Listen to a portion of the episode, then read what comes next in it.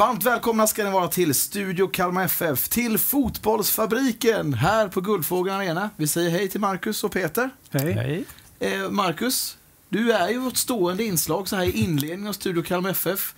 Eh, jag sa Fotbollsfabriken lite skämtsamt. Eh, är det någon aktivitet här i, i huset? Ja, men det är ganska mycket aktivitet. Eh, vi jobbar ju förbrilat med eh, våra partnerrelationer. Vi på- jobbar med årsmötet som kommer, när då Martin?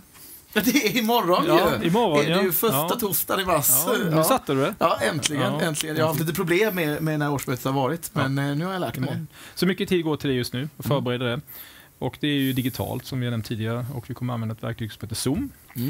Eh, så egentligen, det har väl tagit tid att planera det för att få det att fungera fullt ut så att alla deltagare kan aktivt lyssna och också komma till tal som man så önskar.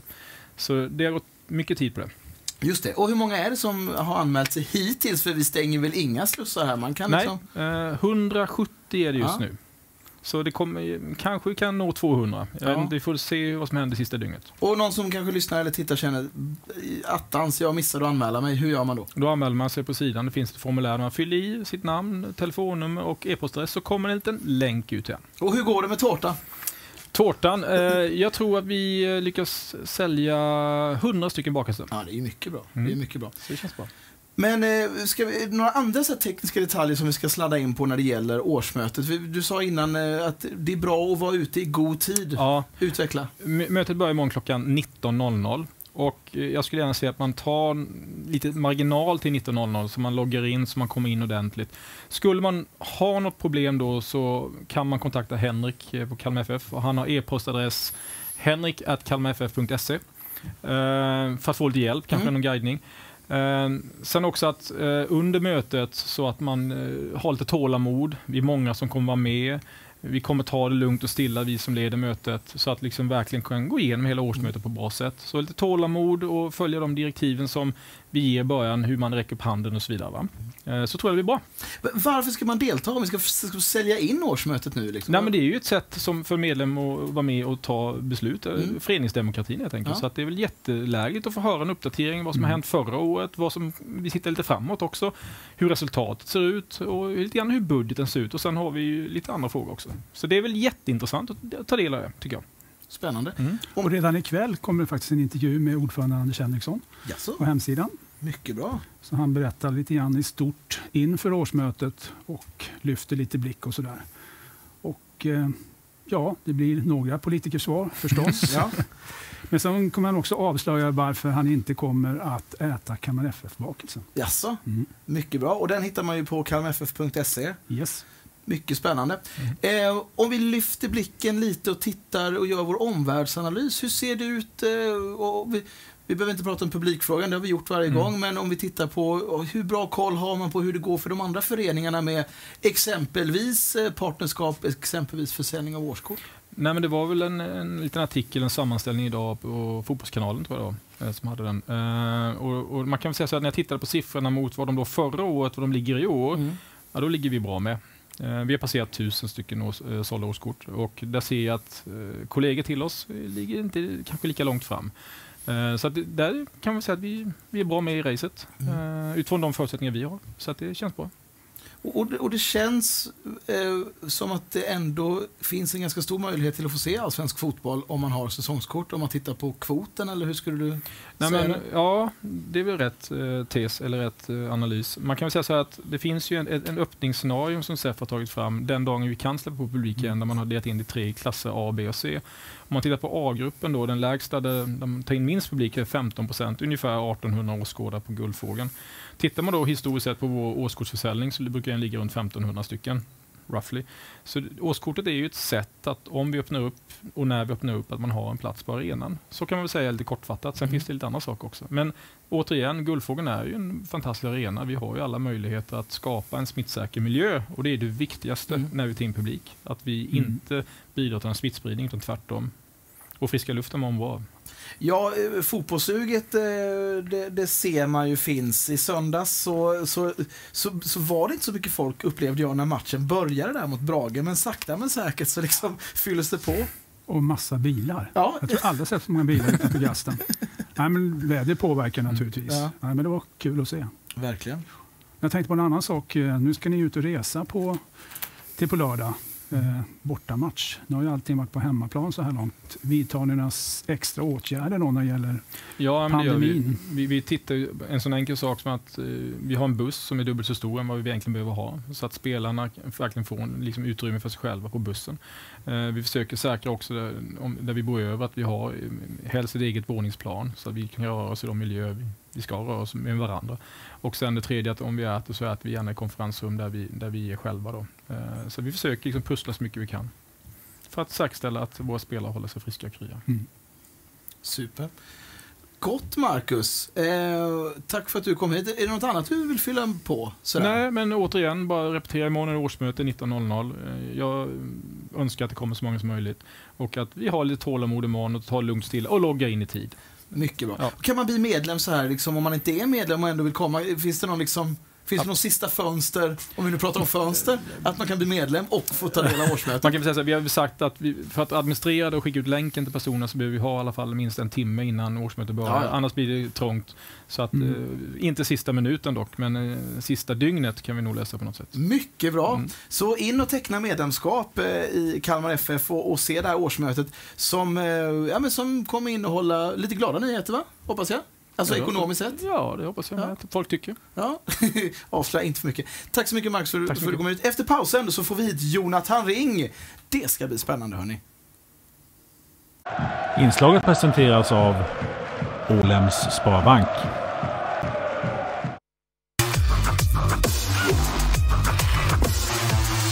Välkommen tillbaka till Studio Kalmar FF och vi säger välkommen in till studion och tillbaka till Kalmar FF. Jonathan Ring, Tack så mycket. hur är läget? Bra tycker Ja. jag. Precis eh, tränat så lite mör nu i kroppen. Ja, ja, ja vi, vi, vi snackade lite utanför. Han kör hårt fortfarande. ja, det är långa, långa pass både Ja. i teorisalen och på fotbollsplan. Hur, hur, hur är fysiken då? Den är okej skulle jag vilja säga. Ja. Det, jag har ju alltså, fotbollsmässigt ganska lång bit kvar tills jag är Ja. 100 procent men det går, jag känner redan framsteg. Vi, vi hade ju din brorsa här för några veckor sedan och försökte ju pressa honom på hur blir det med Jonathan. Han teg ju som muren. Eh, hur mycket kontakt har du haft med, med brorsan? Ja, men ganska mycket ändå. Han Ja. har väl eh, vetat det mesta skulle jag väl säga. Ja. Men ja, det var väl då när han hade det så var det väl inte helt klart. Det var Ja. väl på gång då men det var väl inte helt klart. Beskriv hur, hur känslan är att spela med sin bror. Ja, det är speciellt såklart. Det ska bli otroligt roligt och det har redan varit roligt den här, de här veckorna jag har varit här. Men ja, när allsvenskan börjar också kommer det bli otroligt roligt och speciellt och det är något som vi har, båda har pratat om att det skulle vara kul att få göra någon gång i framtiden. Och ja, Men ni har varit i samma klubb, men ni har aldrig liksom spelat ihop. Ni har samma Ja. moderklubb va? Ja, vi har samma moderklubb men eh, han är ju fyra år yngre Ja, så då vi har aldrig, nej, vi har aldrig varit nära så att spela med varandra. Nu är det dags då. Ja, och eh, leverans direkt. Mål i slutsekunderna. Det, det var lite kaxigt kan man tycka. nej men det var, det var skönt att, att kunna hjälpa laget och vinna matchen. Jag, jag hade ju privilegiet att stå lite vid sidan om då eh, och när du blev inbytt, precis då var det ju en eh, frispark och Rasmus Elm sa Jonathan, ta den, du tar den. Men du gjorde inte det. Du var ödmjuk där när du kom in. Ja, Hur gick tankarna där? alltså, ja, det är klart jag var sugen på att ta den men eftersom jag inte hade haft någon bolltouch och inte på uppvärmningen heller liksom, så ville jag, ja, det var, Filip var sugen också så då tänkte jag att ja, man får skjuta. Du kommer senast från Djurgården. Eh, vad tar du med dig från, det blev ändå tre säsonger nu. Ja, Vad tar du med dig från, från din tid där? jag tar med mig två titlar. Det är väl eh, de stora sakerna liksom. Och sen, eh, men jag har utvecklats både på och utanför plan också. Ta, våga ta för mig mer på planen och växa som människa utanför också.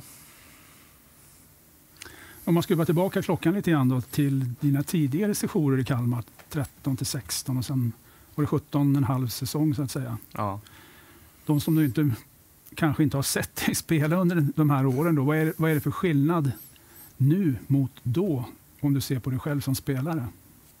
Eh, jag tar väl större ansvar nu och sen eh, är jag väl mognare i mitt spel. Liksom. Kanske inte... Ja, då var det lite mer misstag och nu kanske jag spelar lite säkrare än vad jag gjorde då. Men som sagt, jag kommer fortfarande alltså, spela med risk och med små marginaler för det, det är mitt spel. Men ja, ta, jag tar väl för mig mer på plan och sen tycker jag jag blivit mycket bättre defensivt än speciellt när jag var här första gången. Hittat en jämnare nivå. Ja, För året 13 där, då gick det ju lite så här berg och dalbanemässigt. Det var inte så konstigt kanske eftersom du kom från Värnamo då och skulle pressa dig in i ett allsvensk startelva. ja exakt. Men sen blev det ju lite bättre och bättre efterhand. Ja, det är väl det som är alltså, den stora skillnaden. Att jag Mm. blivit jämnare och sen, men det speciellt det defensiva spelet som inte var så bra de åren i början. Nu får du jobba hem. Ja, vi får se hur mycket det blir. Va- va- Vad vad får vi, om du får beskriva och, och liksom... Du behöver inte vara så ödmjuk. Vad, vad får vi i, i, i Jonathan Ring här nu i, som fotbollsspelare? Men jag, alltså, jag kommer väl hit för att göra poäng och hjälpa laget, speciellt offensivt. Ha mycket boll och sätta upp andra i bra lägen och komma till lägen själv och ja, men öppna upp försvar liksom och skapa chanser. Och bryta lite mönster kanske? Ja, exakt. Ja, men är därför han är här tycker jag. Det är din stora styrka tycker jag, att du är liksom oortodox i din spelstil och framförallt då att du är vänsterfotad och kanske utgår från höger då, så blir det, det blir avigt för motståndarna om inte annat. Och just Ja. att du vågar kliva in i de här ytorna som inte alla gör. Och att du spelar med små marginaler och det lovar du att du skulle fortsätta med. Så, så det är bra. Och sen just det vi såg i, i söndags då, den inlöpningen du gör där i, i slutet då. Eh, den vill man ju se mer utav, inte bara utav dig utan av andra spelare också. Mm. Och sen är ju passningen helt gudomlig. Ja. Men du är klinisk avslutet. Ja, det, var, det blev ett bra avslut. Och det är väl något också som jag vill fortsätta med, som jag tycker jag har utvecklat lite i Djurgården och springa mer bakom. Backlinjen lite mer i djupet och som sagt det måste vi bli bättre på här i Kalmar att fler ska göra eftersom förhoppningsvis att, att vi kommer ha mycket boll och trycka ner motståndarna men måste fortfarande löpa bakom lite för att öppna upp ytan senare kanske framför deras backlinje. Att de, de är lite rädda så de måste droppa. Exakt. Mm. Privatpersonen Jonathan Ring byter Stockholm mot Kalmar. Så som, så som jag känner dig så kan, kan det vara lite problematiskt. Ja, alltså, ja, jag vet inte, jag trivdes i Stockholm. Ja. Det var, det ska jag inte ljuga. Det var otroligt bra där och men jag är ju, alltså jag kan Kalmar och har varit tidigare och jag vet att det, det är fint här också, speciellt på sommaren. Jättebra sommarstad och, men det är klart det blir skillnad. Kan jag tänka mig. Ja. Jag skulle också vilja backa bandet en gång till då. Nostalgi. Mm. Ja. Nej, men jag tänkte på när du lämnade Kalmar då efter 2016 och flyttade till Turkiet Ja, och till en förening som vi alla har svårt att uttala. vill Hur inte, låter den?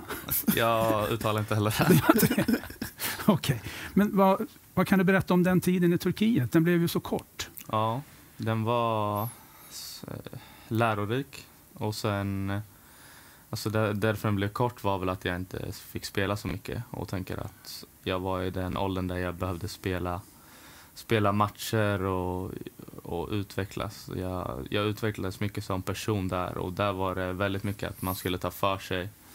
Mm. Det kom väl lite som en chock liksom när jag gick dit. Och, men det var ju något jag hade med mig, speciellt när jag kom till Djurgården efter att jag vågade ta för mig mer. Där på, I början på träning kunde folk sätta bollar i knähöjd och sånt och man ja, försöka sätta dit den liksom. För, men ja, så jag lärde mig mycket där och något som jag tar med mig. Men ja, det, var, det var bra spelare där och jag skulle inte säga att jag var sämre än dem. Jag tycker alla var, var jämnbra där som var där i hela truppen och det var väl typ 25 spelare som Mm. jag tycker de flesta var jämnbra liksom.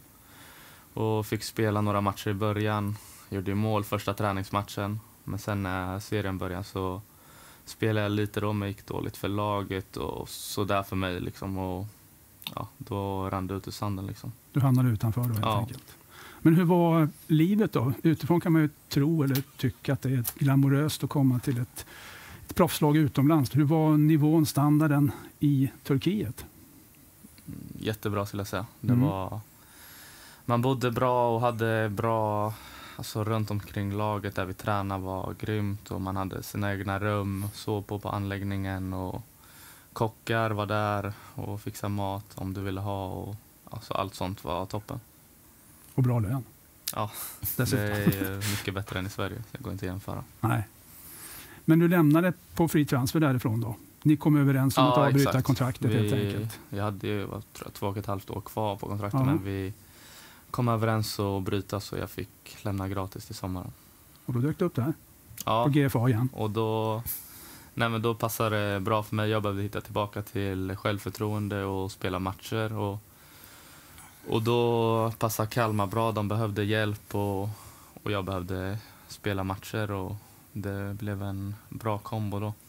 Och hjälp fick de. Ja, Det, går bra den hösten. Ja, det gick, Det funkade eh, väldigt bra. Det gick väldigt bra den hösten. Det var ju några till som kom in men för egen del så funkade det bra och det känns som att jag var en stor del av att hålla kvar Kalmar då i Allsvenskan. När det var klart då, hur tänkte du då? Ville du ut igen då eller ville du bara hitta något annat utanför Kalmar? Första tanken var att jag ville utomlands såklart. Och det var det som var målet, därför jag skrev ett halvår. Men sen så dök Djurgården upp och var väldigt på. Och jag kände väl att jag ville visa mina kvaliteter i ett, ett storlag i Sverige liksom och se vad det här kunde leda till. För jag visste att jag, jag har de kvaliteterna i mig och visste att jag skulle kunna göra det bra i, i allsvenskan. Och om du gör det bra där så syns det mer än om, än om du gör det bra i Kalmar. Liksom. Så det var väl, jag ville visa att jag kunde leverera på högsta nivå i Sverige. Mm. Och det gjorde du också. Ja, det var ja, men, tre bra år och jag fick vinna SM-guld och gjorde 14 poäng och jag tror jag skapade mest chanser av Mm. alla spelare i Allsvenskan den säsongen. 2019 ja. Ja, Det måste ha varit ett fantastiskt år. ja det var otroligt roligt. Men 2020 då? Vad kan vi säga om det? Både för Eh, Djurgården och dig personligen. Ja, det var väl eh, tungt då för mig och tycker för oss i Djurgården också. Vi spelade inte alls som vi gjorde 2019. Och, och så, så det var ja, så tungt då liksom, men något som jag bara vill lägga bakom mig nu och fokusera framåt. Du ger ingen analys på det då? Nej, inte, inte här och nu i alla fall. Det kanske kommer i framtiden. Mm.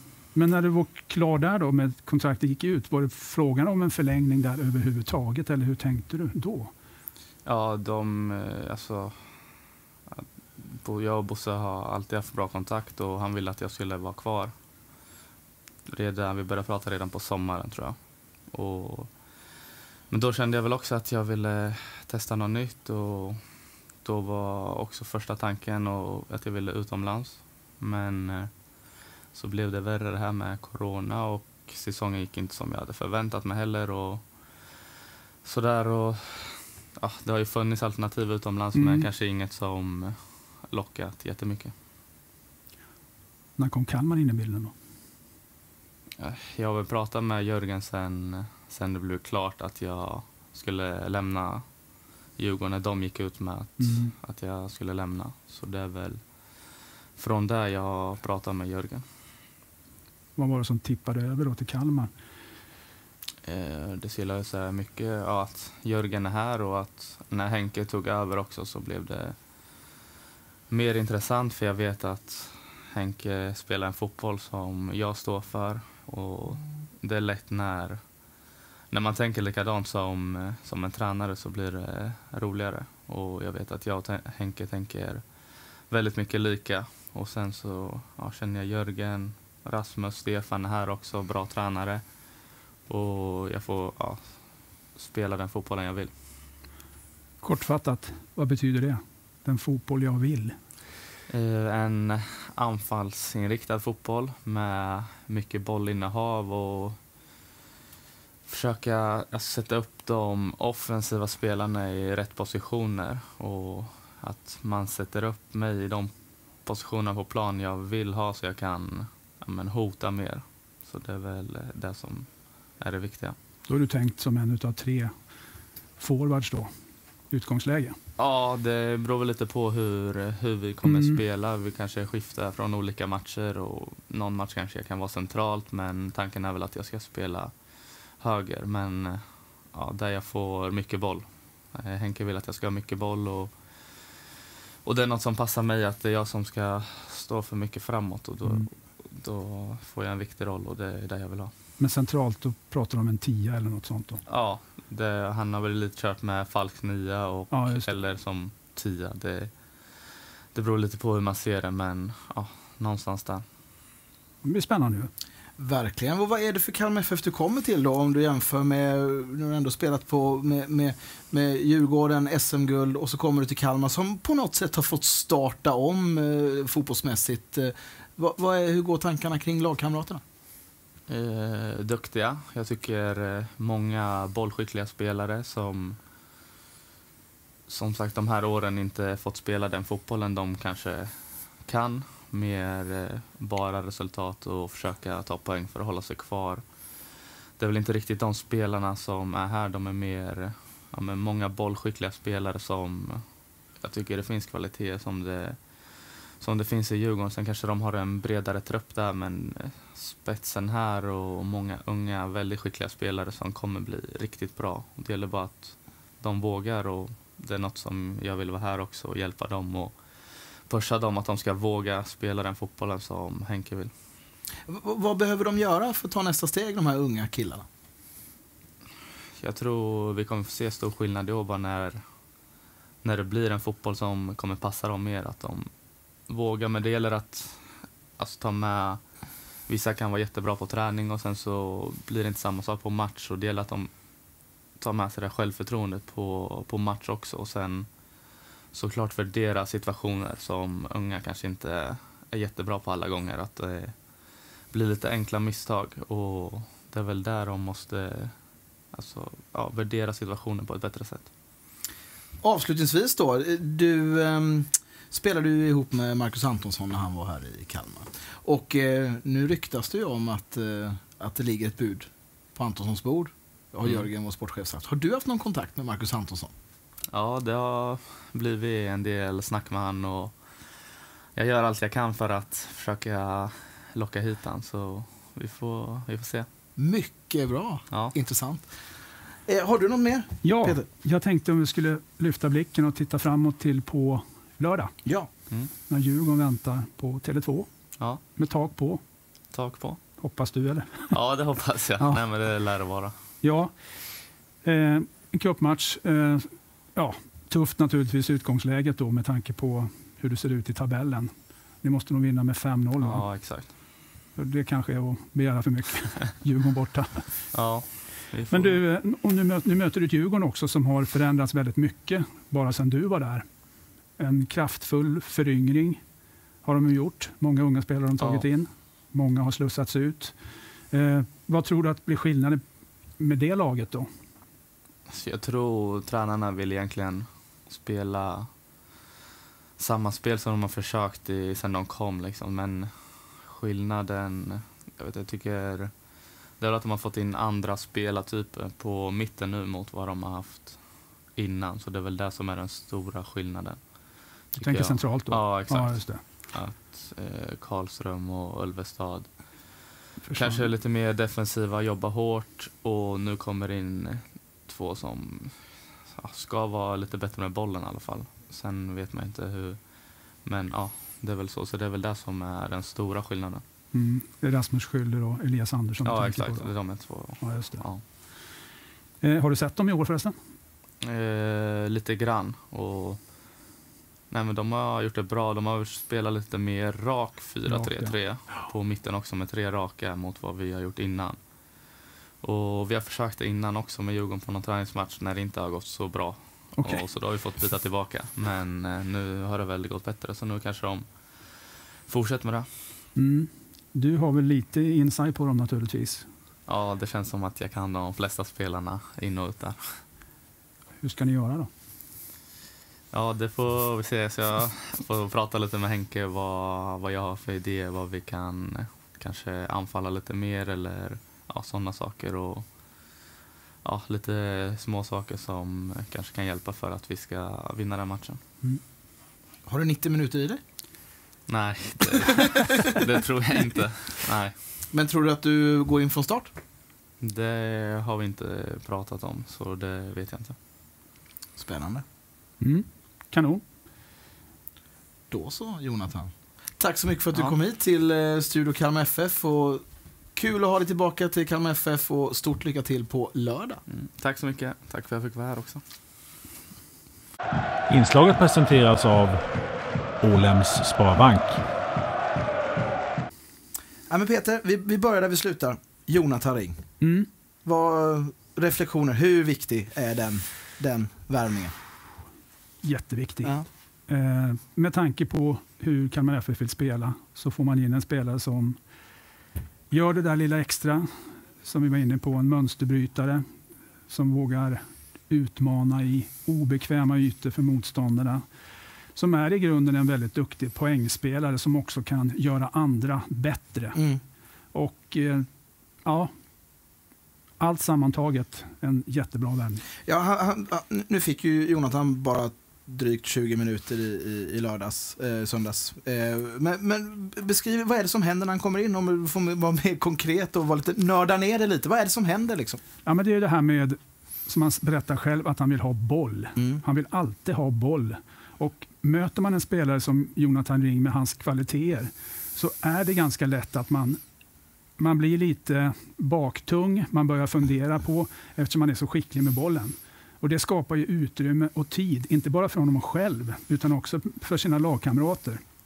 Och Det är det man får nytta av Jonathan med hans menar, han har ju varit med så länge och han är ju, alla vet ju om att han är en väldigt skicklig spelare och håller hög allsvensk klass. Och Det gör också att det blir jobbigt för motståndarna att hantera honom. Mm. Så det är väl kanske det som sticker ut mest i hans spel. Just att han, att han hela tiden är hotande. Och, och, om vi släpper ring och pratar om matchen just i, eh, mot Brage. Jag skulle vilja flagga lite för eh, Romario som jag tyckte hittade rätt i, i, eh, i den matchen. Delar du den analysen? Ja, det gör jag. Eh, just det här att hitta rätt centralt på mitten. Där har ju Henrik provat flera olika konstellationer och lite olika system också. 4-3-3, han spelade 4-3-2-1 och nu var det ju 3-4-3. Och sen tänkte man då liksom Romario och Filip Sakpekidis Mm. centralt. Oj, det låter väldigt offensivt. Verkligen. Men det funkade väldigt bra. Och Det var ju tack vare också att Kalmar hade en sån otrolig dominans spelmässigt. Så att de fick ju väldigt mycket tid att lägga offensivt. Men jag håller med dig. Eh, De gjorde båda en väldigt bra match. Framförallt två saker som jag tycker det var bra med dem den här gången. Det var att Romario hade färre tillslag. Eh, Han blir mycket effektivare då Mm. än när han blir en bolltransportör. Filip Sakpekidis kunde utnyttja sin fart, sin Mm. acceleration och ta sig förbi första press, eller andra press hur man ska uttrycka det. Och han var väldigt duktig på vändspelet också. Han var väl den kanske den som slog de flesta de här när man ska vända spel och Mm. dra isär ett lågt stående lag som Brage blev den här gången också. Verkligen. Eh, och eh, jag hade privilegiet, som jag sa innan, att, stå vid sidan om.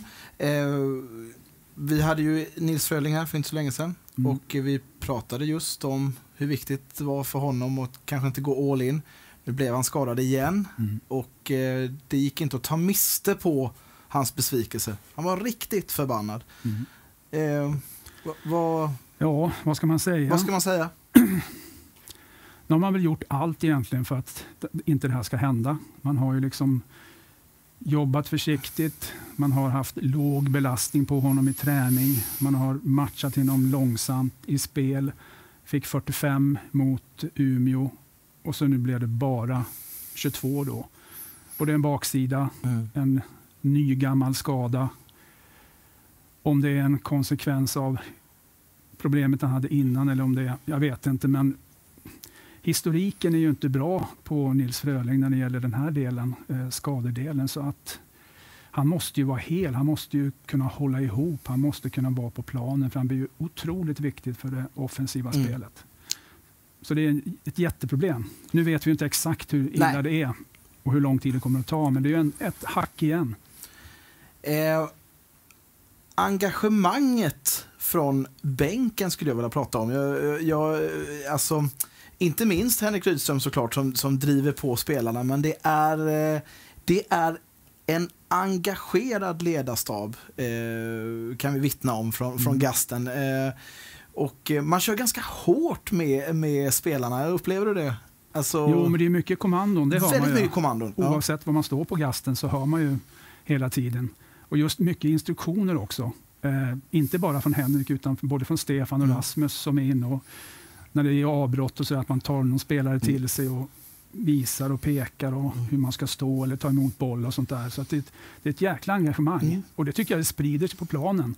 Eh, det var väl länge sedan man såg ett sånt här energipåfyllt Kalmar FF som man har gjort dels mot Umeå men ännu mer mot Brage. Just att man var så energifylld Mm. i 98 minuter. Man, Sant. man gick inte ner i tempo någon gång. Sant. Och sen just att man var så bra i återerövringsspelet. Man gav ju inte Brage en möjlighet att andas. Så Nej. det, det tycker jag är någonting man ser nu vecka från vecka. Att man Mm. sätter här, den här strukturen och det mönster man vill ha. Sen återstår det en hel del. Ja, vi kan inte, det kan inte vara så att vi ska behöva vänta till liksom den eh, 95 minuten varje match innan det blir mål. Nej, Det klarar inte min, min, min mentala hälsa med. kanske inte spelarnas heller. Nej. totalt sett.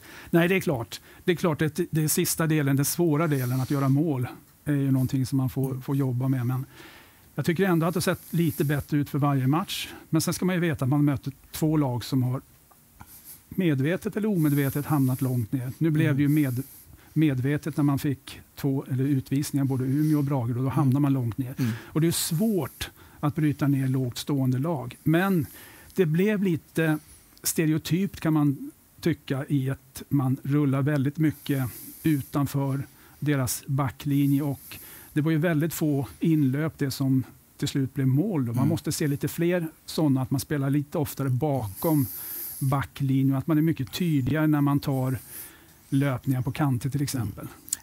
Där kör ju Rydström stenhårt med Isak Magnusson Mm. på högerflyen där. Ja. Det är, ständigt är han på där. Ja, han måste kanske upp lite grann i, i kvalitet Mm. när det gäller inläggsspelet också. Han har ju farten. Han kan ju slå sin gubbe, men just det här och det är väl också lite grann kanske lite nytt för honom också att Mm. han, just som du säger, han får ju löpa oerhört Mm. mycket där på den kanten. Men sen finns det andra saker som, jag, som alltid är lite oroande när det gäller Kalmar FF och det är defensiva fasta situationer. Ja.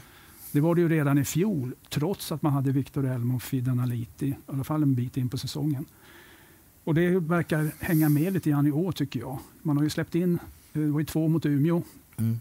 och sen var det, det enda gången Brage kunde hota den här gången, det var ju på fasta. Mm. Och det är någonting som inte klickar där med arbetsfördelningen känns det som att folk blir liksom helt fria plötsligt när bollen sveps in. Så att det är väl också en del som man får eh, kanske fundera lite grann på hur man ska jobba med. Nu vet jag inte, nu kommer ju Piotr Johansson och Douglas Bergqvist eh, tillbaka. Mm. Eh, och det stabiliserar ju upp det spelet tycker jag. Eh, och det som hände det skedde väl kanske mer i andra halvlek då, när det var lite mer förändringar. Man kan ju vända på det för man bytte ju nästan hela backlinjen i, Ja. i halvtid och det är ju, lyckades man ju ändå med Ja. så att säga. ju Men det kan man också nämna tycker jag att eh, det såg bra ut. Mm. Och att Rasmus Sjöstedt fick möjlighet, chans att spela centralt i den backlinjen, det föll också väl ut. Ja, det, det började lite stökigt men Ja. det blev väldigt, väldigt bra. Efter fem minuter liksom kändes han bekväm Mm. och att han Ja. vågade, hade modet, det som jag tycker han har saknat i de tidigare matcherna. Så att det är väl också ett, eh, ett litet kvitto för Henrik att ja, det kanske är en, Mm. en pusselbit att jobba med. Hur, hur spännande är den här säsongen jämfört med, med, med andra säsonger? Är det du som varit med? Ja, men det är alltid spännande Ja. när det är någonting nytt och framförallt någonting som jag tror gagnar den trupp man har för tillfället. Alltså det finns en idé och en filosofi som jag tror passar. Sen är, sen är det också en del som man inte ska glömma bort. Den attraktiviteten som, som den här fotbollen erbjuder. Det är ju Mm. inte bara att, att man ska vinna utan det gäller också att man måste bjuda på någonting. Det är, det är ju faktiskt så att man är delvis i underhållningsbranschen. Mm. Även om det handlar om poäng naturligtvis. Men det är mycket roligare att titta på attraktiv fotboll. Eh, och framförallt om man har ett bollinnehav som Kalmar har. Mm. Det är ju inget självändamål med bollinnehav. Man måste ju ha något syfte med det också. Men jag tycker ändå att det är viktigt att man börjar i den änden. Att man, man dikterar matcherna på ett helt annat sätt. Och då blir det lite roligare att titta på också. och- eh, för att vara en attraktiv eh, förening för nyförvärven. Mm. Alla vi har pratat med här har ju nämnt Henrik Ry- Henrik Rydström som en av de bidragande orsakerna till att han har valt att, spela här. Mm. Eh, inte senast nu, Jonathan då ju. Ja, Oliver är ett annat exempel. Exakt. Tydligt exempel. Och det är väl ingen spelare som gillar att parkera bussen eller att bara löpa eh, i 90 plus, utan man vill ju ha bollen. Det är det det handlar om. Så är det. Eh, Peter, stort tack för att du kom hit. Tack. Eh, match på lördag. Den ser, man, ser man den på, jag har ju så svårt, är det Simor eller? More. Simor. Cupen fortfarande. Och då, den här gången får vi inte vara på gasten. Nej, Får vi sitta hemma. i soffan. Ja, så och inte frysa. Ja, vad tror Ja, du om frös vi matchen? inte sist. Vad tror du om matchen? Ja, Djurgården har ju en trigger att de måste vinna då för att vinna gruppen. eh, och, eller få fördel i, eh, i slutspelet sen. Så det är väl drivkraften för dem. Men eh, jag tycker att det viktigaste är att man åker upp och fortsätter det man har börjat med. Försöker fortsätta utveckla det där. Nu möter man också ett, ett bättre lag som kanske erbjuder en annan typ av fotboll. Som öppnar upp på ett annat sätt, som vill mycket mer själva. Så det ska bli intressant att se vad det erbjuder. Tack för att ni har tittat eller lyssnat på Studio Kalmar FF. Eh, vi kommer tillbaka nästa vecka. Glöm nu inte, att- om du inte är medlem, så bli medlem i Kalmar FF. Eh, signa upp för att vara med på årsmötet och eh, missa inte heller matchen på lördag. Det är mycket som händer. Vi syns nästa vecka. Hej! Hej då!